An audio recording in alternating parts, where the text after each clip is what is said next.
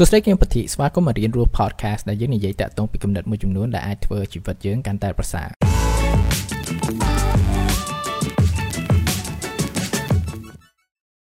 ពេលដែលយើងចំណាយពេលអានសភៅជាច្រើនតើធ្វើយ៉ាងម៉េចដើម្បីចាំឲ្យច្រើន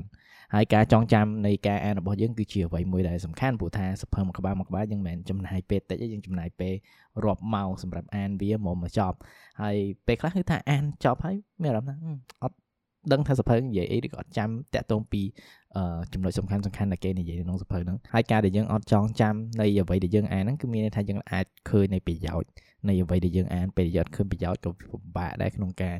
មានកម្លាំងចិត្តក្នុងការបន្តនៃការអានហ្នឹងហើយថ្ងៃនេះដែរខ្ញុំចង់ចែកម្លែកតាក់ទងពី tip មួយចំនួនដែលខ្ញុំយកមកប្រើដើម្បីធ្វើឲ្យខ្ញុំចងចាំតាក់ទងពីអ្វីដែលខ្ញុំអានហ្នឹងតាក់ទងពីការទទួលព័ត៌មាននៃអ្វីដែលយើងរៀនក្នុងថ្នាក់ឬក៏អ្វីដែលថាយើង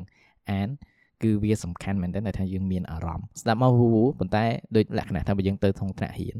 ហើយយើងអត់មានអារម្មណ៍យើងអត់មានចំណាប់អារម្មណ៍នៅអ្វីដែលយើងរៀនវាពិបាកមែនតើក្នុងការស្រូបយកព័ត៌មានហ្នឹងក្នុងការចងចាំព្រោះថាហេតុអីព្រោះថាគួរក្បាលយើងវាទៀមទានៅអ្វីដែលថាវា interesting អ្វីដែលមានចំណាប់អារម្មណ៍ក្នុងការចងចាំបើយើងមើលនៅអ្វីដែលយើងរៀននៅអ្វីដែលយើងអានមិនមែនជាអ្វីមួយដែលសំខាន់មិនមែនជាអ្វីមួយដែលមានប្រយោជន៍ មិនមែនជាអ្វីមួយដែលមានចំណាប់អារម្មណ៍ខួរក្បាលយើងក៏វាអត់ទទួលយកដែរថានេះជាអ្វីដែលថាខ្ញុំចង់គួរចងចាំអញ្ចឹងតាក់ទងពីអារម្មណ៍ជាពិសេសគឺការឆ្ងល់នៅអ្វីដែលយើងរៀនហ្នឹងគឺជាអ្វីមួយដែលសំខាន់ជាធម្មតាពេលដែលខ្ញុំអានសភៅមួយអញ្ចឹងណាខ្ញុំតែងតែសួរខ្លួនឯងសិនហេតុអ្វីបានខ្ញុំចង់អានសភៅហ្នឹងហើយក៏អាចលិះតាក់ទងពីសំណួរមួយចំនួនថាខ្ញុំមានតាក់ទងពីសភៅហ្នឹងតើអ្វីខ្លះថាខ្ញុំចង់ដឹងចង់យកពីសភៅហ្នឹងហើយដើម្បីយកដឹងតាក់ទងពីអ្វីដែលគេសរសេរនៅក្នុងសភៅហ្នឹង គឺខ្ញុំអត់ដែលមើលរំលងតាក់ទងពី table of content នៅក្នុង table of content ហ្នឹងគេមិនលិះថាក្នុងសភៅហ្នឹងវាមានចំណុចណាខ្លះដែលគេនិយាយនឹងលើកឡើងអីចឹងទៅហើយអាន introduction ហ្នឹងទៅព្រោះផ្នែកហ្នឹងជាផ្នែកមួយដែលគេនិយាយតាក់ទងពីដូចលក្ខណៈក្រងឆ្អឹងឬក៏ blueprint នៃសភៅហ្នឹងចឹងណាចឹងយើងចាប់ផ្ដើមមើលឃើញថាគេនឹងនិយាយអីពេលដែលយើងដឹងតាក់ទងពីក្រងទាំងអស់ហ្នឹងយើងអាចយកមកសួរខ្លួនឯងអូខេតាក់ទងនឹងអ្វីដែលគេនឹងសរសេរនឹងបកស្រាយទៅលើហ្នឹង តើខ្ញុំមានចម្ងល់ខ្លះខ្ញុំមានសំណួរខ្លះព្រោះតែបើសិនបើយើងអត់មានសំណួរក្នុងការសួរខ្លួនឯងទេចឹងពេលដែលយើងអានគឺថាយើងអត់មានគោលដៅច្បាស់លាស់ទេតាមពិតទៅសំណួរគឺជាគោលដៅរបស់យើងហ្នឹងព្រោះតែពេលដែលយើងសួរពេលយើងមានចម្ងល់តាក់ទងពីកន្លែងហ្នឹងយើងនឹងស្វែងពេលយើងអានហ្នឹងយើងស្វែងរកតាក់ទងថាអូកន្លែងណាដែលគេនិយាយ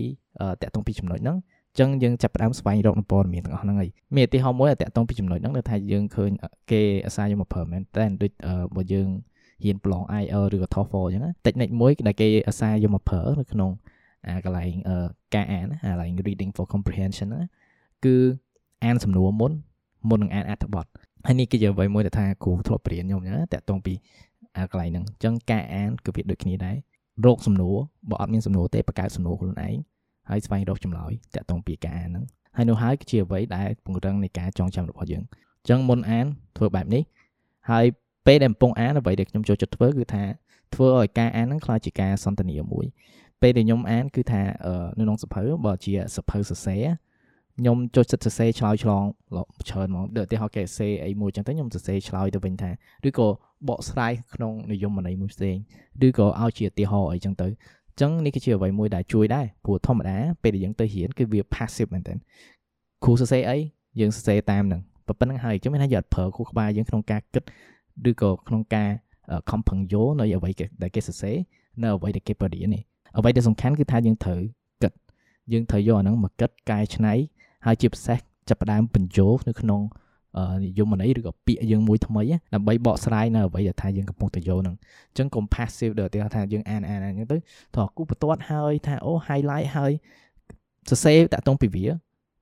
ធ្វើវាឆ្លៃជាការសន្ទនាមួយធ្វើការជាការសម្រាយមួយថ្មីនៅក្នុងហ្នឹង កុំភ័យក្នុងការយកបិចសរសេរលើសភៅអសោះសភៅដែលយកមកអានដើម្បីជាពិសេសគឺថាដើម្បីអភិវឌ្ឍខ្លួនយើងកុំទុកឲ្យសភៅនោះឲ្យថ្មីអសោះសរសេរប្រើវាព្រោះថាពេលដែលយើងប្រើវាហ្នឹងបានបង្ហាញថានេះគឺជាសភៅមួយដែលមានតម្លៃដែលថាយើងយកមកប្រើមែនលុះត្រាយើងយកសភៅហ្នឹងយកមកដើម្បីតាំងអញ្ចឹងអាហ្នឹងបានទុកវាថ្មីទៅប៉ុន្តែបើយើងយកសភៅហ្នឹងមកអានកុំទុកវាថ្មី ប្រភេទវាអសោះហើយបង្កើតជាការសន្ទនាមួយនៅក្នុងហ្នឹងហើយតើតងចំណុចដែរគឺថាពេលខ្ញុំអានណា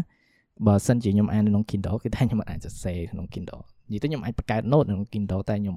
អត់ចូលចិត្តធ្វើវាព្រោះថាវាអត់ convenient ណាដូចសរសេរបិចអីចឹងតែអ្វីថាខ្ញុំចូលចិត្តធ្វើពេលខ្ញុំពងអាននៅក្នុង Kindle អញ្ចឹងខ្ញុំចូលចិត្តថតនៅដូចឧទាហរណ៍ highlight ឬកន្លែងណាដែលថាខ្ញុំមានចំណាប់អារម្មណ៍អញ្ចឹងណាហើយខ្ញុំថតខ្ញុំ post ជា story នៅក្នុង Instagram របស់ខ្ញុំហើយខ្ញុំសរសេរអីខ្លះតាក់ទងពីការខ្ញុំយល់របស់ខ្ញុំតាក់ទងពីចំណុចហ្នឹងដូចជាការសរសេរនៅក្នុងសភៅដូចគ្នាដែរតែត្រង់ថាខ្ញុំ post ជាលក្ខណៈ story អញ្ចឹងទៅវាជាអ្វីមួយដែលថា engage ទៅការគិតរបស់ខ្ញុំកាន់តែស៊ីជម្រៅតាក់ទងនៅអ្វីដែលខ្ញុំអានព្រោះតែការចងចាំល្អមិនមែនជាការទន្ទិញ passive នៅអ្វីដែលគេសរសេរប៉ុន្តែ ជាការបង្កើតនៅ clear ថ្មីអត្ថន័យថ្មីឬក៏ការបញ្យោថ្មីឬក៏ឧទាហរណ៍ថ្មីតាក់ទងនឹងអ្វីដែលគេនិយាយហ្នឹង អញ្ចឹងចាប់ផ្ដើមបង្កើត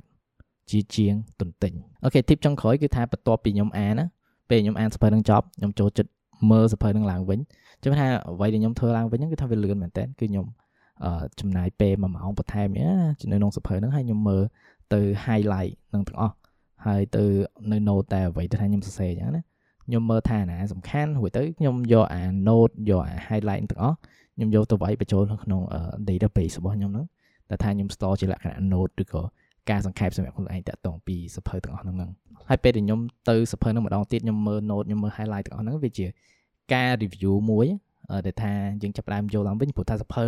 យើងអាចចំណាយពេល5 6 7 8ម៉ោងក្នុងការអានអញ្ចឹងវាអាចផ្លេចខ្លះអីចឹងហើយដល់យើងមើលឡើងវិញទាំងអស់តែតុងពី highlight យើងអាច review ហើយជាពិសេសយើងអាច connect the dot ហើយអ្វីដែលថាខ្ញុំចូលចិត្តធ្វើពេលខ្ញុំយក highlight នឹងយកមកទុកគឺខ្ញុំចូលចិត្តបំបែកវាដូចមិនមែនថាយើងដាក់ highlight តាមលំដាប់នៅអ្វីដែលគេសរសេរប៉ុន្តែយើងចាប់ផ្ដើម connect ហើយបង្កើតជា section នៅសភៅថ្មីតាក់ទងពីអ្វីដែលយើងយកអីចឹងទៅហើយនេះជាអ្វីមួយដែលថាខ្ញុំចូលចិត្តធ្វើមែនតើហើយនេះគឺជាអ្វីមួយដែលជួយក្នុង reference ដែរព្រោះធម្មតាយើងតែងតែអាចផ្លេចខ្លះហើយយើងអត់អាចចាំទាំងអស់ខ្ញុំក៏អត់អាចចាំទាំងអស់ដែរ ប៉ុន្តែពេលដែលយើងចាប់ផ្ដើមយកអព័ត៌មានហ្នឹងយើងយកទៅទុកនៅកន្លែងណាមួយដែលថាយើងអាចរកបានដោយងាយស្រួលអញ្ចឹងវាល្អមែនតើពេលដែលយើងផ្លេចហើយយើងចង់ទាញព័ត៌មាននឹងមកវិញគឺថាវាស្រួលមែនតើអញ្ចឹងខ្ញុំខ្ញុំចូលចិត្តប្រើ noting app មួយចំនួនដើម្បី store information ទាំងអស់ហ្នឹងបើមិនចឹងទេខ្ញុំអាចធ្វើលក្ខណៈជា index នៅក្នុងសភៅសរសេររបស់ខ្ញុំដែលថាខ្ញុំប្រាប់ថាកន្លែងណាមាន highlight ណាមាន highlight ណាអញ្ចឹងខ្ញុំអាច ទៅដល់កន្លែងហ្នឹងនេះដូច Richard Feynman អ្នកដែលបកកែរូបជាម្នាក់គាត់និយាយថាយើងត្រូវចាំបាច់ចងចាំអីទាំងអស់បើសិនបើព័ត៌មានទាំងអស់ហ្នឹងយើងអាចរកបានដោយងាយស្រួលហ្នឹងអញ្ចឹងយើងអាចបង្កើតជា reference system មកពេលដែលយើងចង់រកព័ត៌មានហ្នឹងយើងដឹងថាយើងទៅរកនៅណាឲ្យបានលឿនចឹងថាយើងបទូខ្លួនឯងខ្លះមិនចាំបាច់ថាខ្ញុំត្រូវចាំទាំងអស់ខ្ញុំត្រូវចាំទាំងអស់ហើយអត់អីយើងអាណាចាំបានចាំមើលតែអ្វីដែលសំខាន់គឺថាយើងអត់ ចាំអាចចាំបាន100%ជាងយើងអាចទុកនៅក្នុងកន្លែងមួយដែលថាយើងអាចរកបានអញ្ចឹងមុនអានសួរខ្លួនឯងថាហេតុអ្វីបានយើងចង់អានសរសេរជាសំណួរមួយចំនួនដែលយើងឆ្ងល់តាក់ទងពីសភៅហ្នឹងដែលយើងចង់ស្វែងយល់ដែលយើងគិតថាជាអ្វីមួយដែលសំខាន់ក្នុងការអានសភៅហ្នឹងអញ្ចឹងពេលដែលយើងមានសំណួរវាបង្កើតជាគោលដៅក្នុងការទាញព័ត៌មានទាំងអស់ហ្នឹងហើយធ្វើឲ្យព័ត៌មានទាំងអស់ហ្នឹងវាមានន័យហើយពេលដែលយើងកំពុងអានគឺថាបង្កើតជាការសន្ទនាគុំតែ highlight គុំតែសរសេរតាមអ្វីដែលគេ លើកឡើងប៉ុន្តែយើងបង្កើតនិយមថ្មីថ្មីបង្កើតជាអឺទីហោថ្មីបង្កើតជាការបញ្យោថ្មីជាមួយនឹងពាក្យផ្សេងផ្សេងពាក្យរបស់យើងហើយចុងក្រោយបំផុតពេលដែលយើងអានហើយចំណាយពេលជាមួយសភៅហ្នឹងមើល highlight ហើយផ្គុំនៅព័ត៌មានទាំងអស់ហ្នឹងហើយ documented នៅកន្លែងមួយដែលថាវា safe ដែលថាយើងអាចរកវាបានពេលដែលយើងត្រូវការអរគុណក្នុងការស្ដាប់ហើយខ្ញុំសង្ឃឹមថានេះគឺជាអ្វីមួយដែលជួយអ្នកក្នុងការអានឲ្យកាន់តែភាសាជាភាសាគឺចងចាំនៅអ្វីដែលយើងអាន ព្រោះថាយើងចំណាយពេលច្រើនក្នុងការអានយើងអត់ចង់ធ្វើឲ្យពេលដែលមានតម្លៃទាំងអស់ហ្នឹងខ្លាយជាអ្វីមួយដែលបាត់បង់ទៅហ្មងទៅថាដោយសារតែយើងអត់ចង់ចាំវាហើយបើសិនម្នាក់ទាំងអស់គ្នាចូលចិត្ត podcast នេះអាច subscribe នៅលើ Apple Podcast ហើយជាមួយនឹង Google Podcast ហើយចាំជួបគ្នាថ្ងៃក្រោយហើយក្នុងរយៈពេលនេះអភិវឌ្ឍខ្លួនជានិច្ចបាយបាយ